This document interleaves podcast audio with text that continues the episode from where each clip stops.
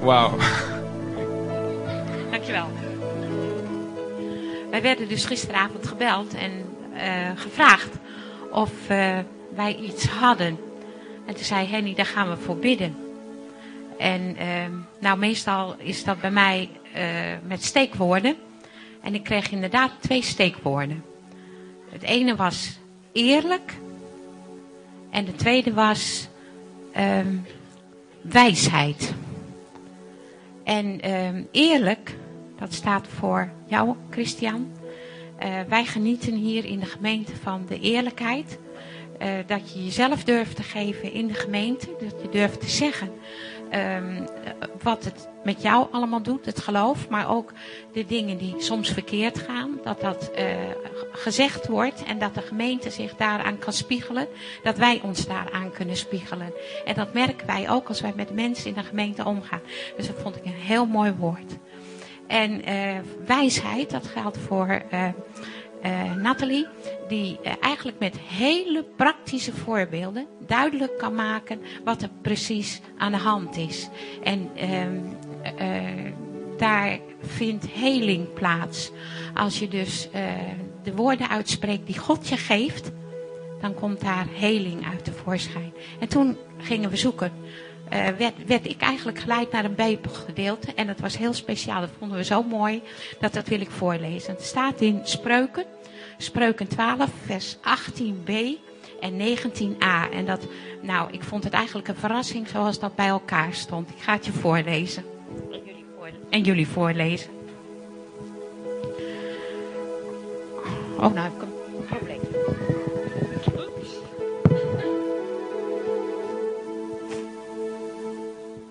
wat ouder wordt, heb je een bril nodig. Vers 18b. Maar de toon der wijzen brengt genezing aan. Een waarachtige lip bestaat voor altijd. Dat wil ik jullie meegeven, wil ik ons meegeven voor de komende tijd.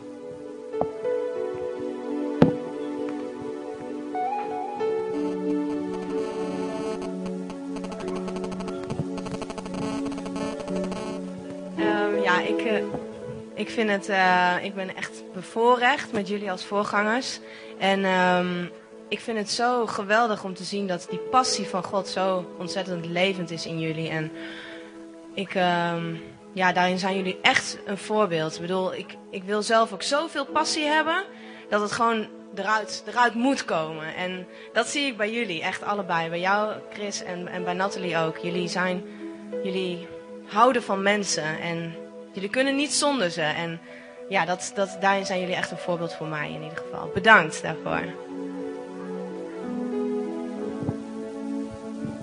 Ja, daar sluit ik mij ook bij, bij aan.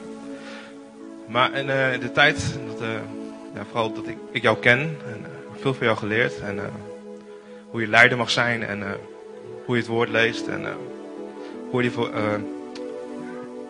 ja, hoe jij er uh, bent voor mensen. Je bent, er altijd, als je belt, dan de beter. En uh, de mensen voor mij zijn altijd klaar. En, uh, en Nathalie ook. En, groot voorbeeld voor mij. Ja, iets waar, waar ik sowieso naartoe wil groeien. dankjewel. Hi, Christian. nou, ik ben hier nu sinds één, jaar, één en een kwart jaar in de gemeente. En ik heb al die tijd zo genoten van jou, van Nathalie en van de hele gemeente. En ik geloof dat dat wat ik proef in de gemeente is wat ik proef bij jullie.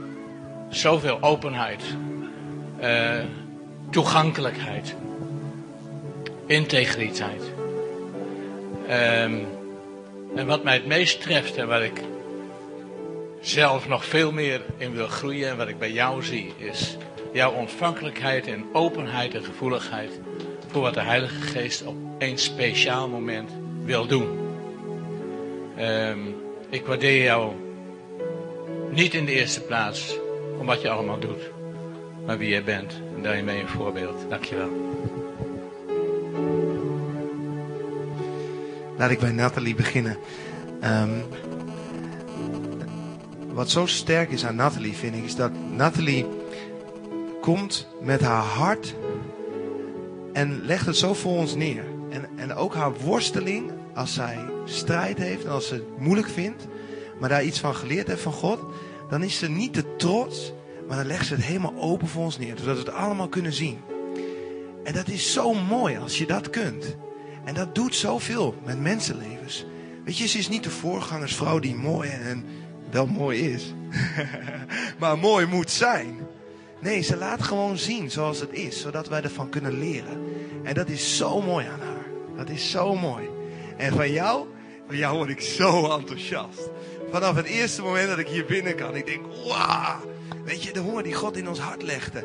Je, hebt zo, je bent zo gebruikt door God. En nog steeds om te leren, te onderwijzen. Ook al vanochtend hoe je rondloopt en vol, vol passie Jezus prijst. En vol van overgave. Dat is zo'n voorbeeld voor mij. Hoe je God zoekt, hoe je zijn leiding verstaat. Ja, dat wil ik van je leren, jongen. Echt, echt. Dank je wel. Dank je wel.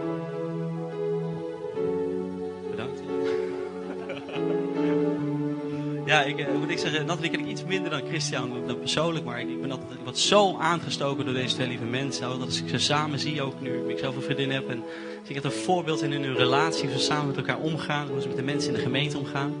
Van Chris persoonlijk word ik, sta ik altijd als ik hem zie, dan sta ik altijd helemaal in de fik. Als ik dan ochtends denk, oh, denk oh, ik spreek Christian weer een keer, of ik zie hem, of wow, dan brand ik ook weer helemaal van binnen. Ook de, de, de passie, we bespreken wel eens een keer het woord of iets. De passie die, die, die heeft in het woord en daar alles in te zoeken en helemaal naar te leven.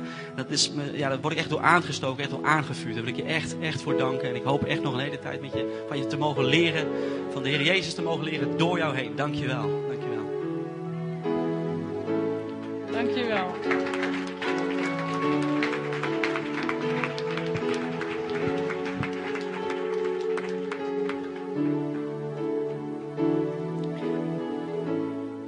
Is een van de jonge kinderen die, uh, die jullie iets aan wil bieden, Christian. Elise. Namens de gemeente. Elise.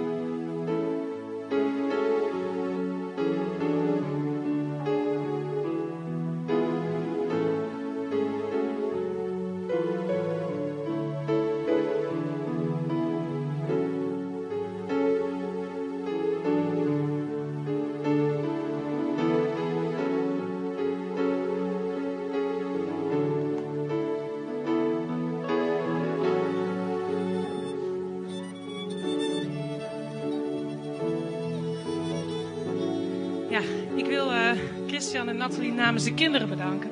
Want ze kunnen dat nog niet goed verwoorden. Dus misschien iets wat later, als ze volwassen zijn, dat ze zich heel erg van bewust zijn. Maar ik wil dat wel tegen jullie zeggen. Dat ik wil jullie namens de kinderen bedanken. Dat jullie hen de ruimte geven om te zijn wie ze zijn. En dat jullie hen zien als ja, kleine mensen die, die de Heilige Geest in zich kunnen hebben. En ik weet dat er heel veel gemeenten zijn waarin die ruimte niet is. En daar wil ik jullie heel erg voor bedanken.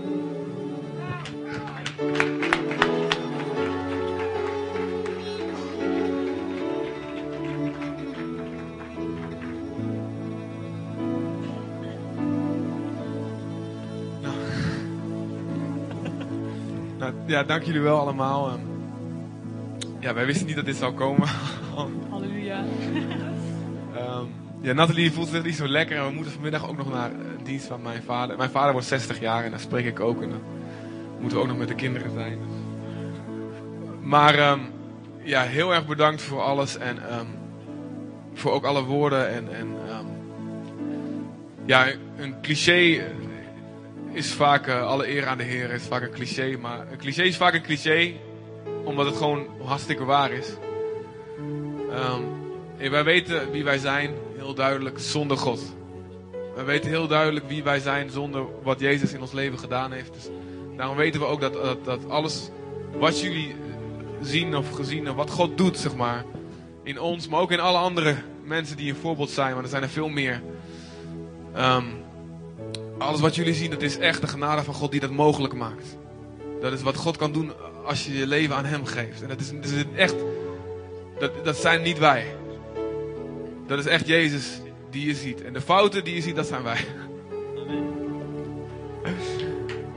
Maar dat, is mede uit de grond van ons hart. Maar we willen ook echt jullie bedanken voor, uh, voor alles. Wij, ons geloof wordt net zo gebouwd door jullie dan andersom. Gewoon jullie. Het is heel anders eh, als we zouden staan voor een gemeente die, die gewoon niet meteen wil doen wat de Heer zegt. En dat willen jullie wel. Jullie, jullie zijn, jullie, als jullie iets horen van dit wil God, dan rennen jullie ervoor. Dan gaan jullie ervoor. En jullie hebben zo'n honger en zo'n liefde en zo'n zo'n geloof ook. Dat God alles kan doen. En dus ja, wij worden net zo goed gezegend door jullie. En dat zeggen we ook vaak als wij op stap zijn en we zijn met andere voorgangers of mensen in gesprek of mensen die ons al vroeger kennen. Dan zeggen joh, wij worden minstens net zo opgebouwd door de gemeente als andersom. Door we jullie zijn en jullie liefde. Bedankt. Aan echt de eer aan God, aan God alleen. Oké. Mogen alle kinderen naar voren komen en Maria? Ik had Marja gevraagd om heel iets kort te zeggen over eh, het geven. Dus dat doen we even tegelijk. Het is een beetje... dus kinderen mogen naar voren komen. En als ze naar voren zit, boven, eh, hier zitten, dan eh, kan je gang gaan, eh Marja. En dan... Ik ga voordat de kinderen weggaan, dat, dat de ouders nog de gelegenheid hebben om een collecte te geven. Kan dat? Is dat goed, Marieke? Is dat goed? Eerst nog even collecten en dan... Ja? Oké. Maar ja. Ben eh, deze ochtend nog emotioneler dan eh, anders. En eh, ja, dat kwam eigenlijk omdat Rashida vanmorgen kwam in de dienst. En ik weet niet, misschien weten jullie niet, maar Mijnt en ik hebben ons hart een hele tijd voor haar gegeven. Ons hele leven, ons wezen, ons ingezet voor haar. En ehm, zij is weggegaan en ze is eh, naar een bijbelschool geweest in ehm, Amerika.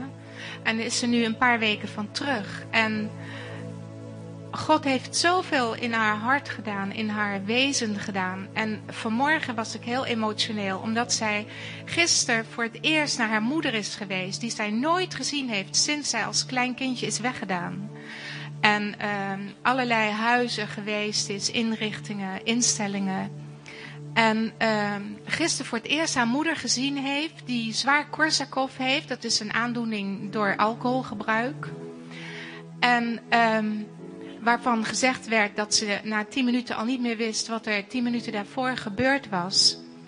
En eh, Rashida ging met een zus van haar moeder, die ze ook voor het eerst zag, eh, naar haar moeder toe in Beekbergen in een, eh, een verpleeghuis. En haar moeder herkende haar gelijk. Ze zei: eh, Je bent mijn dochter en wat ben je mooi. En ehm, zo'n liefde voor Rashida. Die echt kapot gegaan was, haar leven, omdat ze die liefde niet gekregen had. En die Jezus herstelt. Jezus herstelt die dingen in ons leven. En op de tijd dat van hem is. En ik vond het zo mooi. En ze gaf Rashida een beertje dat ze voor, hem, voor haar had gekocht toen ze geboren werd, maar nooit gegeven had, maar wel altijd bewaard. En ehm, ja, dat ontroerde mij zo het ontroert me nog steeds, want daar had ik altijd naar uitgekeken. Rashida had zo'n haat in haar hart naar haar moeder, voor alles wat hij haar aangedaan had. En dat God het dan in één keer zo, op zo'n manier, op zijn tijd herstelt. Ik vind dat zo ontzettend mooi. En we hebben zo'n liefdevolle, geweldige Vader in de hemel. Die van ons houdt en ons wil herstellen, ons wezen wil herstellen.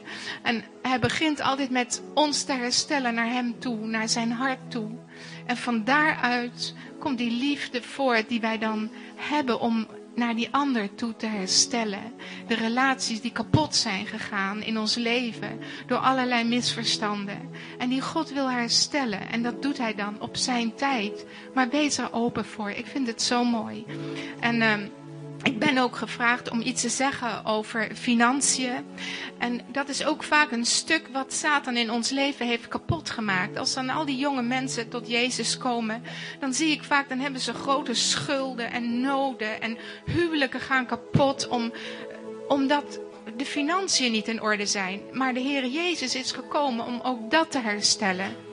En ehm, ook nu dat mensen bang zijn, veel mensen worden ontslagen, eh, zijn ze bang voor. En eh, ja, de economie, economie gaat naar beneden.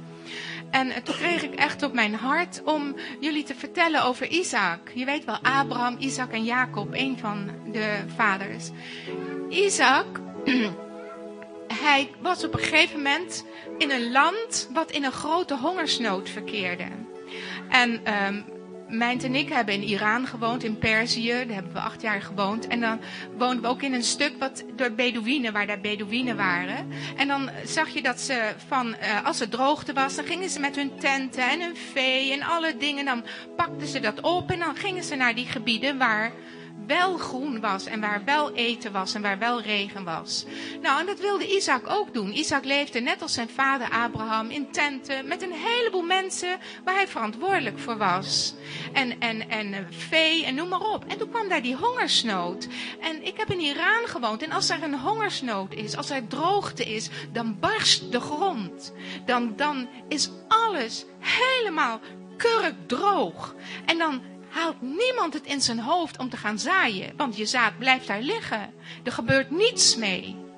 En God zei tegen Isaac, ik moet eerst nog even vertellen dat als daar staat dat er een hongersnood was in dat land waar Isaac woonde, dan zegt dat iets over Isaac in zijn situatie, maar het zegt ook iets, het kan ook iets zeggen over ons. Als wij in een land wonen waar hongersnood is, dan betekent dat dat wij in ons land, in onze omstandigheden, in de omgeving waarin we zijn, dat er een hongersnood is, een gebrek is. Vaak een gebrek naar het water van de Heilige Geest, waardoor allerlei ellende komt. Waardoor we in een droogte terechtkomen, waardoor we in een armoede terecht kunnen komen die niet leuk is.